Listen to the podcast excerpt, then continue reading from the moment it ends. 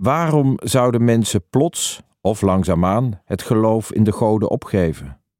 Hoe kan het dat wat mensen eeuwen en eeuwenlang als vanzelfsprekend hebben aangenomen, dat uiteindelijk toch gaan betwijfelen? En wat te doen nu met de resten van dat oude godsgeloof?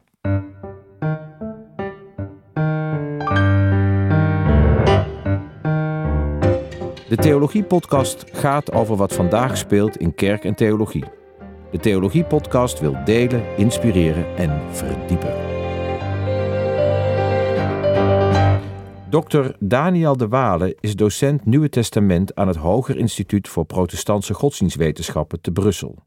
Daarnaast is hij lid van de Leerplancommissie voor Protestants Godsdienstonderwijs in Vlaanderen. Hij schreef eerder Ontluikend Christendom en Vergeten Rijkdom. Welkom, Daniel de Wale hier bij Tabita en bij mij Ja, in de Theologie Podcast. Fijn dat je er bent.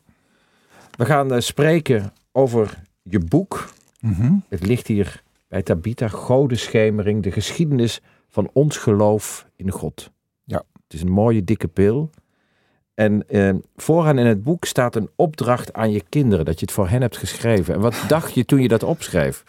Nou, nou, ik heb het niet voor hen geschreven. Ik heb het eigenlijk in de eerste plaats voor mezelf geschreven. In die zin, ik zat met een aantal eh, vragen, al jarenlang. En doorheen de jaren heb ik gezocht naar antwoorden. En daar is dan dit boek van gekomen.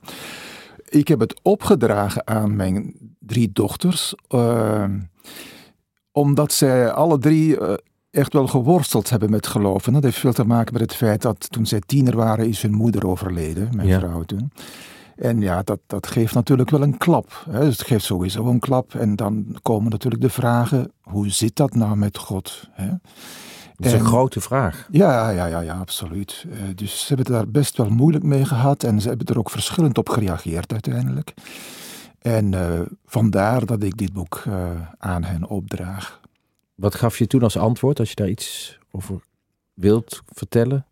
Ja, je hebt geen antwoord. Hè? Ehm, trouwens, ik zat zelf ook met die, met die vraag en de pijn en eh, om eerlijk te zijn, de woede naar God, ehm wat mij betreft dan.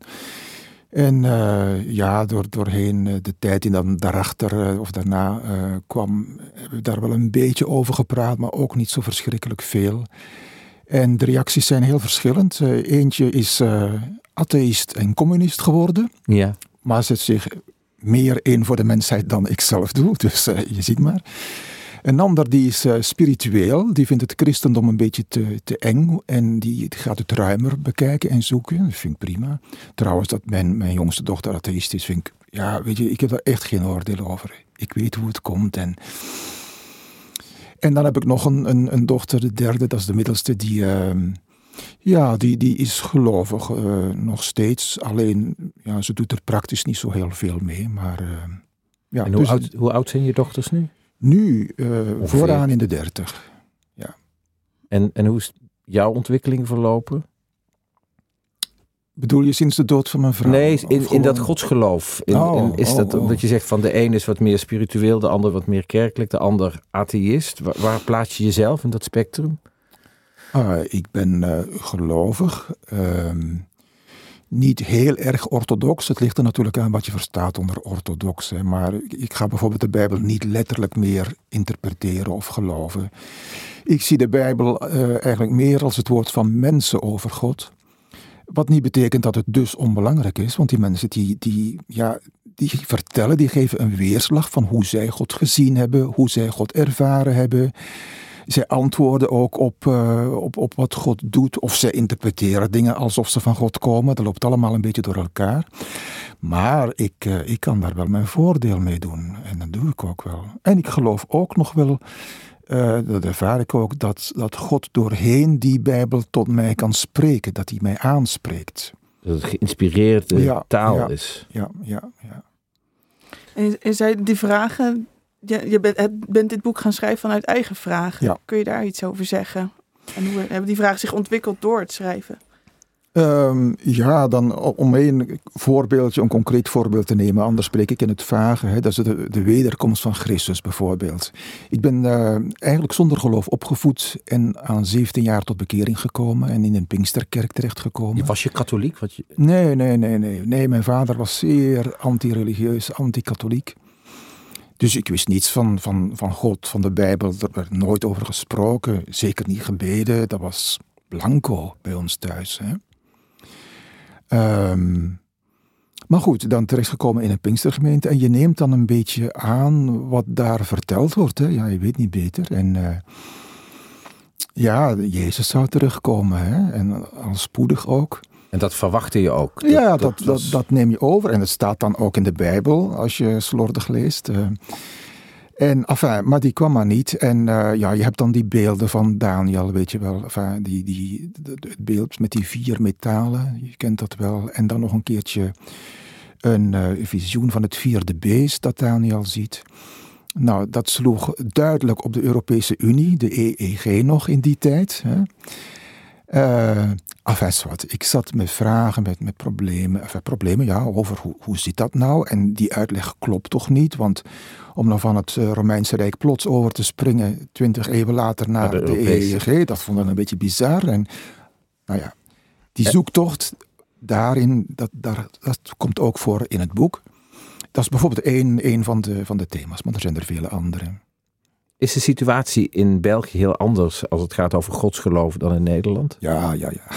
ja absoluut. Staat God er nog beter voor daar, denk je? Nee. godsgeloof? Nee, nee, nee.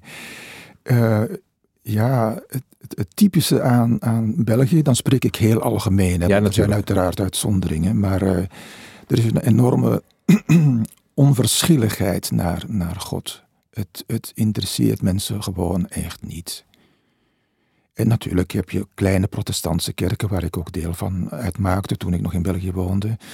Ja, die zijn dan wel veel bewuster met geloof bezig, omdat ze een beetje uniek zijn in België. En je hebt natuurlijk ook verschillende protestantse kringen, uh, sorry, uh, katholieke kringen bedoel ik, uh, die ook toegewijd zijn. Hè? Maar het is, het is niet meer vanzelfsprekend om gelovig te zijn. Het is een bewuste keuze.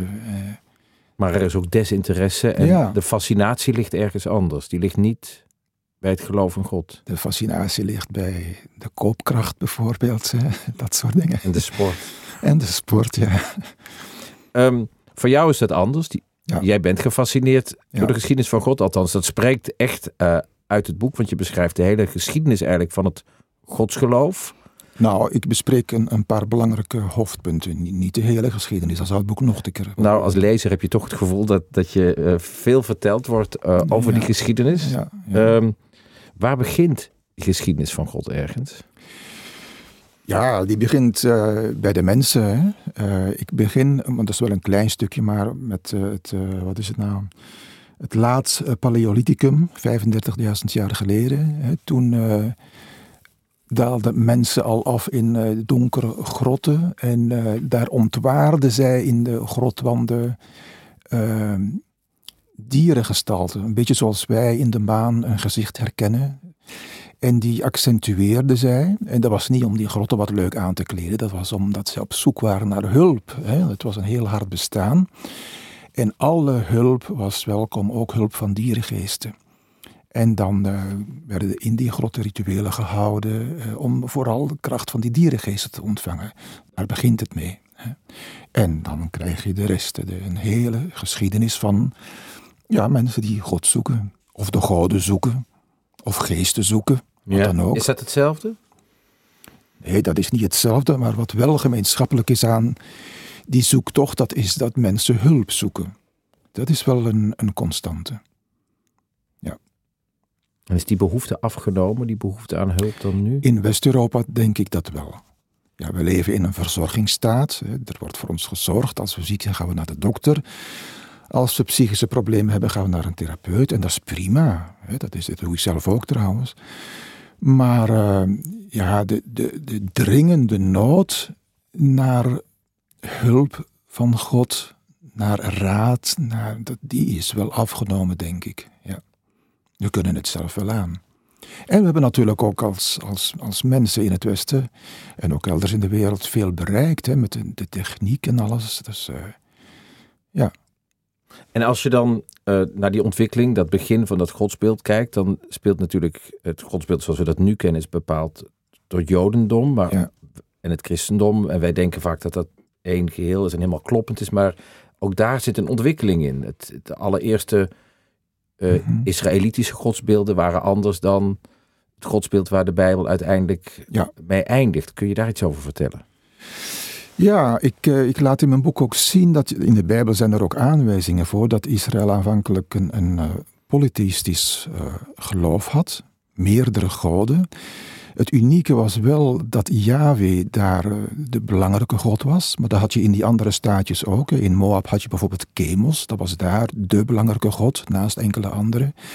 Dus wat dat betreft lijkt Israël uh, op die andere, kleinere volken die uh, in de buurt leven, leefden. Maar dan gaat het over naar monolatrie. Dat betekent dat die Yahweh, die al belangrijk was, dan wordt de eis gesteld, aanvankelijk door profeten, dat alleen die nog mag aanbeden worden. En waarom is het geval? Wat, wat is de reden dat die profeten daarop gaan hameren? Dat wordt een technische uitleg. Ja, maar uh, ik kan er wel iets mee. over zeggen. uh, kijk, het is begonnen bij de profeet Hosea, voor zover we dat kunnen nagaan tenminste. Uh, Israël werd in die tijd bezet, overrompeld door de Assyriërs. Nu, oorlogen waren er wel vaker geweest, maar die Assyrische macht was verschrikkelijk brutaal en vreed. Die Assyriërs beroemden zich daar ook op, op hun eigen vreedheid. Dat was een soort propaganda om af te schrikken. En die zeiden uiteraard van, nou zie je wel dat onze god Assur of Ashur, dat die sterker is dan jullie goden. Hè?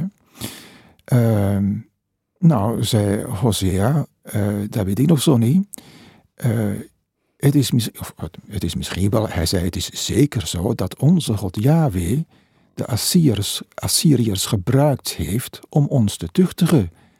Dus jullie god Ashur heeft daar in feite niks mee te maken. Het is onze Yahweh die alles bestiert. Je kunt je dan afvragen, ja Hosea, hoe kom je aan die ideeën? Dat weten we niet heel precies, maar één ding valt wel op. Er is een parallel tussen de Assyrische vorst en Yahweh. Ik bedoel dit, die Assyrische vorst die... Uh, strafte Israël, want dat is in etappes gebeurd, die verovering. En die zei van, jullie hebben geheuld met andere koningen tegen mij, terwijl jullie mij moeten liefhebben. Zo werd dat dus letterlijk uitgedrukt, hè, dus een soort loyaliteitsverklaring, liefhebben.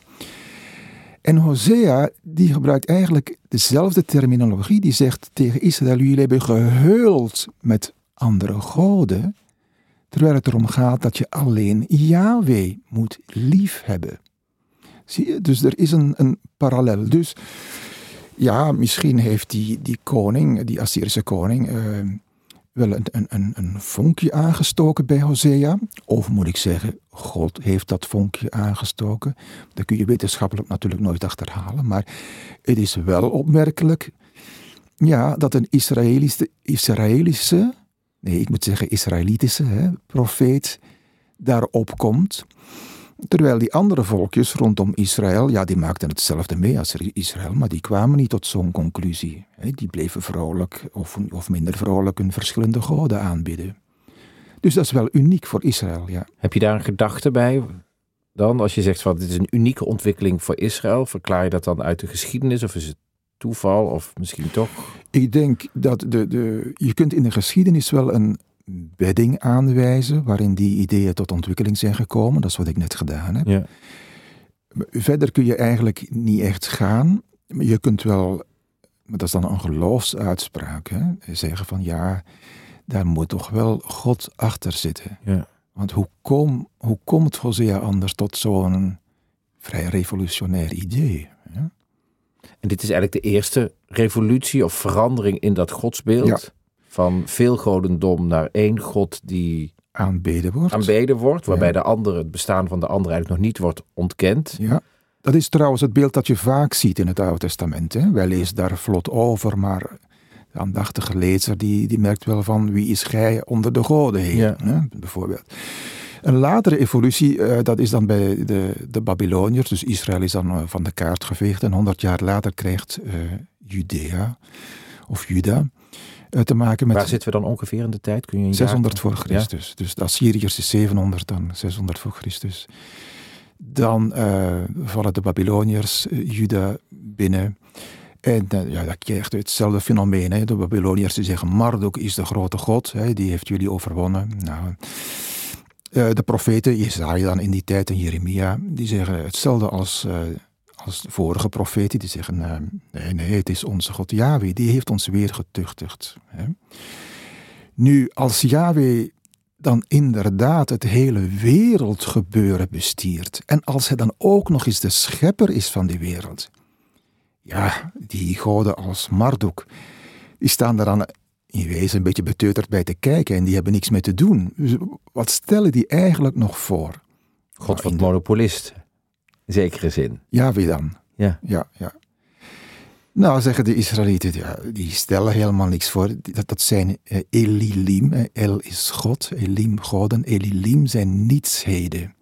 Zo wordt het dan in de Hebreeuwse Bijbel genoemd. En eh, er ontstaat dan ook een zekere nuchterheid bij die profeten, dat als die naar die godenbeelden kijken, want die goden werden ja, toch wel vereenzelvigd met hun beelden, in het Midden-Oosten, dan zeggen die, maken die godenbeelden belachelijk. Een stuk hout. De, degene die dat gemaakt heeft, heeft eerst getwijfeld. Wat zal ik ervan maken? Een krukje of een god? Ja. En eh, dat was ook wel vrij revolutionair en nieuw. Dus in feite heeft Israël toch wel ja, hele bijzondere stappen gezet in het zicht op God, in het geloven. En als ik dan een sprong maak naar het Nieuwe Testament, wat gebeurt daar precies met dat Israëlitische godsbeeld? Nou, een van de, de, de veranderingen of de verschillen tussen Oud Testament en Nieuw Testament, maar dan veralgemeniseer ik, dat is in het Oude Testament zie je heel vaak dat God eh, de straffende, strenge God is, die zijn volk ook regelmatig tuchtigt, eh, die ook meehelpt in oorlogen, wat in, het, in de tijd van het Oude Testament ook bij die andere volken heel normaal was. Kijk, oorlog voeren, dat, dat hoorde bij het leven in die tijd. Hè? En eh, uiteraard verwachtte je hulp van je God, wie dat dan ook was. En Israël verwachtte dat ook van hun God. Van, hè? God is de Heer der heerscharen, van de legerscharen. Eh, dus dat is het Oude Testament. En Jezus, die, die is dan geweldloos. Het is zo een, een frappant eh, stukje in eh, het Nieuwe Testament dat Jezus met zijn discipelen komen bij een Samaritaans dorp. Nou, Samaritanen en Joden die leefden op gespannen voet. En die Samaritanen die willen Jezus en zijn discipelen niet ontvangen. Die zijn dus niet gastvrij. Nou, dat is chockerend. En die discipelen die stellen voor om maar vuur uit de hemel te laten neerdalen op die Samaritanen. Dat is eh, slim bedacht, want Elia vroeger die heeft dat ook gedaan. Hè, tegen eh, vijandige soldaten die hem gevangen wouden nemen. Vuur uit de hemel en ze werden verteerd. Heel bijbels, in feite. Beproefd recept. Hoe zeg je? Beproefd recept. Voilà. Hè? En eh, Jezus vindt dat dus niet goed. Die neemt zijn discipelen dat kwalijk. Nou, zijn discipelen zijn wel bijbelster dan Jezus, zou je kunnen zeggen. En dat is met meer dingen zo.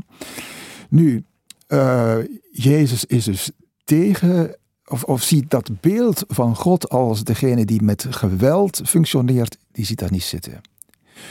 Nu moet ik wel zeggen, dat is niet helemaal nieuw. In de laatste Bijbelboeken van het Oude Testament, dan zie je ook al een tendens ontstaan naar een meer vredelievende God. Welke bijbelboeken zijn dat? Dat zijn eigenlijk gedeelten van Bijbelboeken. Je ziet dat bijvoorbeeld in Jezaja, wat men dan Trito Jezaja noemt, om een voorbeeld te Ja. geven. Eh, maar ook, eh, je ziet het nog duidelijker bij boeken die dan eh, de pseudepigrafische boeken worden genoemd. Het zijn ook Joodse religieuze boeken die niet in de Bijbel zijn opgenomen. Daar gaat onder andere dat andere boek dat ik geschreven heb, Vergeet de Rijkdom, over. En dan zie je bijvoorbeeld, om, eh, ik weet niet of ik het nog goed uit het hoofd ken hoor, maar ik probeer Abraham die uh, reist door een wagen door de hemel over de aarde en die ziet overal onrecht en hij gaat dat bestraffen. Uh, op drie verschillende manieren en dat zijn drie verschillende manieren waarop God in het Oude Testament ook mensen bestrafte. Bijvoorbeeld de aarde die opensplijt waar dan mensen in verdwijnen. Nou, Abraham doet dat ook, dus heel bijbel zou je zeggen. En maar God die ziet dat aan vanuit de hemel en die maakt zich zorgen. Die zegt, ja, straks blijven er geen mensen over als je zo doorgaat. En Abraham moet daarmee stoppen. nou, zo zie je wel meer verhalen in. Een ander die... godsbeeld dan ook. Ja, er ontstaat echt een ander godsbeeld. Uh, en Jezus die staat in die lijn en die, ja, die, die ziet daar toch een, een, een, een beeld in van God waar hij meer vertrouwen in heeft, dat, dat hij misschien herkent, ik weet het niet, dat hij bevestigt in ieder geval. En dan is weer de vraag, als je dit verklaart vanuit de context van die tijd, waar komt dat nieuwe godsbeeld dan vandaan? Ja, dat is een, uh, een, een, ingewikkelde vraag, of een eenvoudige vraag, maar het is een moeilijk antwoord. Kijk, Israël heeft altijd die, uh, die God gekend en daarin geloofd, die het voor hen opnam in oorlogen. Ja, tot uh, de tijd van de Assyriërs en de Babyloniërs. Uh, toen ging dat niet meer op. Maar geen nood. God zou toch het volk verder leiden en weer hun, hun sterke koning worden. Alleen wat zie je in de geschiedenis? Dat Israël na die Assyrische en Babylonische interventies en de ballingschap die daarbij hoort, nooit meer onafhankelijk wordt. Ze krijgen wel een zekere beperkte onafhankelijkheid, vooral op religieus vlak, wat heel belangrijk was voor eh, de Joden. Uh, maar dat is het dan ook. Er is geen Israëlitische of Judese koning meer. En de vraag ontstaat dan toch een beetje: hoe zit dat nou met die sterke God? En een uitleg die je niet zo in de Bijbel vindt, maar die theologen geven, dat is, ja, God kon het niet meer. Hij, het bleek doorheen al die eeuwen dat hij op een of andere manier blijkbaar niet meer in staat was om zijn macht weer op te nemen tegen de vijand. En wat krijg je dan? Dan ontstaat het idee dat God eigenlijk, wel gezien, geen vijanden heeft. Hij heeft mensen lief zelfs al zijn het vijanden. Dus hij treedt daar niet meer met geweld tegenop. Dat is een verklaring die wel eens aangedragen wordt om uh, ja, te verklaren hoe dat, dat nieuwe godsbeeld is ontstaan en gegroeid. Ik vind het wel een mooi verhaal en een mooie ontwikkeling eigenlijk ja, ook. Ja, ja. Bijna logische ontwikkeling ook uh, uh, ja. in het verhaal van dat volk Israël en ook in datgene wat Jezus van Nazareth te berden bracht. Ja. Als we weer een sprong maken en we gaan ehm, door de middeleeuwen een beetje richting onze tijd, dan zie je dat eh, het christelijke godsbeeld lange tijd omarmd is. De wereld was betoverd. Ja. En dan raakt ergens die wereld ontoverd en raken we dat klassieke godsbeeld een beetje kwijt. Schets ik het goed? Mm, Ja, erg snel wel, maar ja, eh, je zou kunnen zeggen, het begint eigenlijk bij ja, de renaissance en de, en de reformatie. In de renaissance ontdekte, herontdekte men dus de, de klassieken, ook de klassieke filosofen die kritiek hadden. Lucianus van Samosata was er zo een, die spotte met die goden. Erasmus bijvoorbeeld, die leest die kerel en die zegt, ja, als ik naar mijn tijd kijk, de katholieke kerk in die tijd, daar kan ik ook wel wat eh, kritiek op leveren. En dat deed hij dus ook. Eh, dan krijg je ook Luther. Die staat eigenlijk ook een beetje in die, in die traditie. Het is een nieuwe geest die door Europa waait. Hè? En eh, die ziet inderdaad overal die betovering. Kijk, die betovering dat betekent, om een concreet voorbeeld te geven, de hostie was een, een iets en je moest daar echt mee uitkijken. Eh, je kon daar ook een tovermiddel van maken, dat soort dingen. Dat was dus heel normaal in, in de middeleeuwen. Ook al die de, de demonen die overal rond waren, de bosgeesten, heiligen die men dan gelukkig had om eh, ter hulp te roepen. En Luther zei, dat is allemaal afgoderij. Hè? Er is één God en zijn ene bemiddelaar, Jezus, en, en dat is alles. Nou, dan krijg je al een heel stuk onttovering in onze westerse maatschappij. Dat is een eerste stap en dan ja, dat gaat door in de geesten. Hè? Het rationalisme, want in feite is dat een stuk rationaliteit of ratio die Luther gebruikt. En dat, dat ontwikkelt zich verder. Je krijgt dan de verlichting. Nu, er zijn twee soorten verlichting. Je hebt de, de, de, de softe variant, zoals Voltaire bepleit. Hè. Die geloven nog steeds in God als een soort schepper die toch alles in beweging heeft gezet, maar die komt toch niet meer zo duidelijk tussen beiden. Voltaire vindt bijvoorbeeld de bergreden wel erg mooi. De wijsheid van Jezus kan hij appreciëren. Maar dat Jezus aan een kruis gestorven is voor onze zonde, ja, daar kan hij niks mee. Hè? Maar God blijft nog wel bestaan. Je had dan ook radicale verlichtingsdenkers, Dolbach bijvoorbeeld, de Lametrie. Ja, die, zeiden van ja, er is helemaal geen God, wat is dat voor onzin? Hè? Alles is gewoon puur materie. Vooral de Lametrie die ging daar heel ver in. Uh, waar andere verlichtingsdenkers dan toch aanstoot aannamen in die tijd nog. Hè? Maar uh, dat is dus uh, weer een stap. Nou ja, Want en, ik heb ook wel eens gehoord ja. dat, dat de reformatie eigenlijk zelf debet is aan secularisatie. Ja. Door dat, dat rationele juist centraal ja. te stellen. In uh, zekere zin uh, klopt dat. Ze hebben iets in beweging gezet. Hè? Hm. Maar ja, misschien toch ook wel iets dat onvermijdelijk was. Ja, de, de geschiedenis gaat door. Mensen ontwikkelen zich. Het denken ontwikkelt zich. En, of grijpt terug, zoals ik al zei, op de klassieke hè, zoals Lucianus.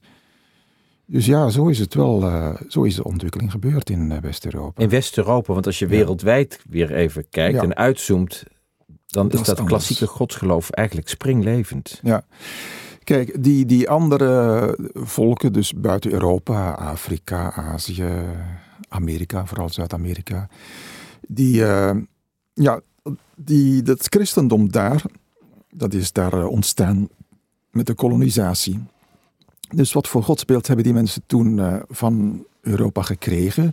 Het godsbeeld dat toen in Europa uh, bekend was. Dus de, ja, het, wat wij ook nog altijd kennen. Hè? Dus er is één God en de Bijbel is, is waar en dat soort dingen.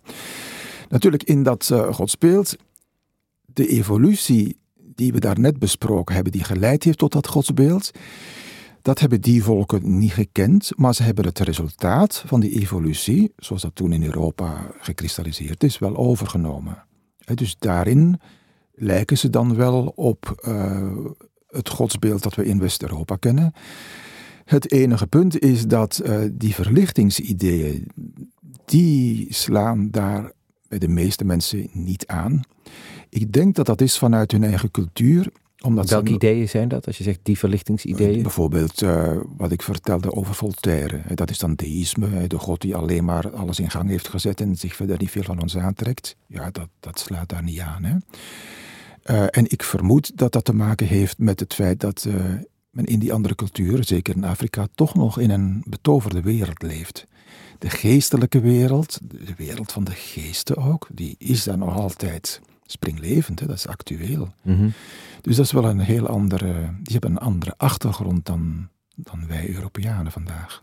En als je dan weer uh, de beweging maakt naar Europa en je probeert, het is koffiedik kijken, maar wat zou de ontwikkeling van het godsbeeld hier kunnen zijn? Gegeven ook misschien in je eigen land in België de desinteresse, ja. uh, de fascinatie met hele andere onderwerpen. Wat, Wordt het alleen maar minder of is er ook nog toekomst voor, uh, voor God, nou, in deze tijd? Voor, voor God zelf uh, is er nog wel toekomst, geloof ik. Voor de kerk, dat is een andere zaak. Uh, de, de grote kerken die we 50, 60 jaar geleden hebben, waarin het vanzelfsprekend was om gelovig te zijn, ja, ik denk niet dat dat terugkomt. Tenminste, niet binnen afzienbare tijd. Maar uh, kijk, er zijn aan de andere kant, er zijn inderdaad mensen die gedesinteresseerd zijn, maar er zijn ook mensen die toch blijven zoeken. En uh, dat blijft toch bestaan. Want ik denk, en uh, dat, wordt, dat uh, noem ik ook wel in mijn boek, een belangrijke drijfveer om God te zoeken is toch de nood die mensen hebben. En die nood kan in onze westerse maatschappij dan minder zijn, die is niet verdwenen. Mensen, ook in ons welvarende België en Nederland, zitten soms echt in diepe nood. En het is vaak vanuit nood dat mensen God zoeken, God roepen en God hoort. Daar ben ik van overtuigd. Ik heb het zelf meegemaakt. Wat heb je meegemaakt? Dat God antwoordt, dat God hoort. Ja, ik, ik, vertelde in het begin al dat ik, ik was toen 17 toen ik tot bekering kwam. Ja, dat is omdat ik wat ervaren heb met God. Hè. Dat was een, eh, mijn klasgenoten merkten dat ook. Ik was, ik was veranderd. Ik was, uh, dus uh, God reageert op gebed. En uh, daarom is er voor God en voor geloof absoluut toekomst. Alleen dat zal niet meer zijn in grote institutionele kerken. Die zullen ook, denk ik, politiek veel minder macht hebben. En dat is misschien ook niet eens zo slecht. Uh, maar je zult waarschijnlijk zien, wat trouwens nu al bezig is, dat er kleinere groepen ontstaan. Die wel meer toegewijd zijn. Uh, en die groepen die zullen christelijk zijn, die zullen soms op de rand van het christendom zich bewegen, soms niet christelijk zijn. Maar goed, ook, ook dat zijn dan toch mensen die zoeken naar zin, naar verdieping, naar betekenis, naar vervulling. En ja, dat blijft toch waardevol volgens mij. Ja, want een mooi begrip in je boek is de term open hemel. Vaak in boeken over geloof in deze tijd gaat het op enig moment wordt de bocht gemaakt naar de kerk en de kerk moet meer open, maar eh, jij pleit voor een open hemel. Wat, wat bedoel je daarmee? Nou, eh, ja, daarvoor pleiten. Er zijn, je kunt, kijk, onze wereld is onttoverd. Ook de gelovigen geloven niet meer dat je met hosties uh, tover, uh, toverdrankjes of zo kunt maken. Maar hoe zit het met de hemel? Nou, een aantal mensen of veel mensen leven onder een gesloten wereld. Dat betekent, deze materiële wereld is al wat er is. Er is niets dat ons overstijgt. Een open hemel, dat betekent dat uh, mensen die daarin geloven, of die dat zo zien, die geloven dat er wel iets is dat onze wereld transcendeert. Dat er een hemel is waarin God is. Ja, een beetje plastisch uitgedrukt, maar dat er een Ook die lijn naar boven ja, inderdaad, ja. Dat is dus die open hemel. En uh, daar kun je naar reiken. Dat is trouwens wat mystici doorheen al de eeuwen heen gedaan hebben. Ik moet denken aan uh, een uitspraak van Karl Rahner, een katholieke jezuïet. Die zei, het, in de volgende eeuw, dat slaat dus op onze 21ste eeuw, hè, het christendom zal mystiek zijn of het zal niet zijn, zei hij. Nou, en ik denk dat daar veel waars in zit. En mystiek is misschien een beetje een zwaar woord, maar mensen zullen moeten ervaren in hun leven dat God er is. Want alleen maar geloven op grond van een aantal dogma's die je als waar aanneemt, dat lukt echt niet meer. Dat, uh...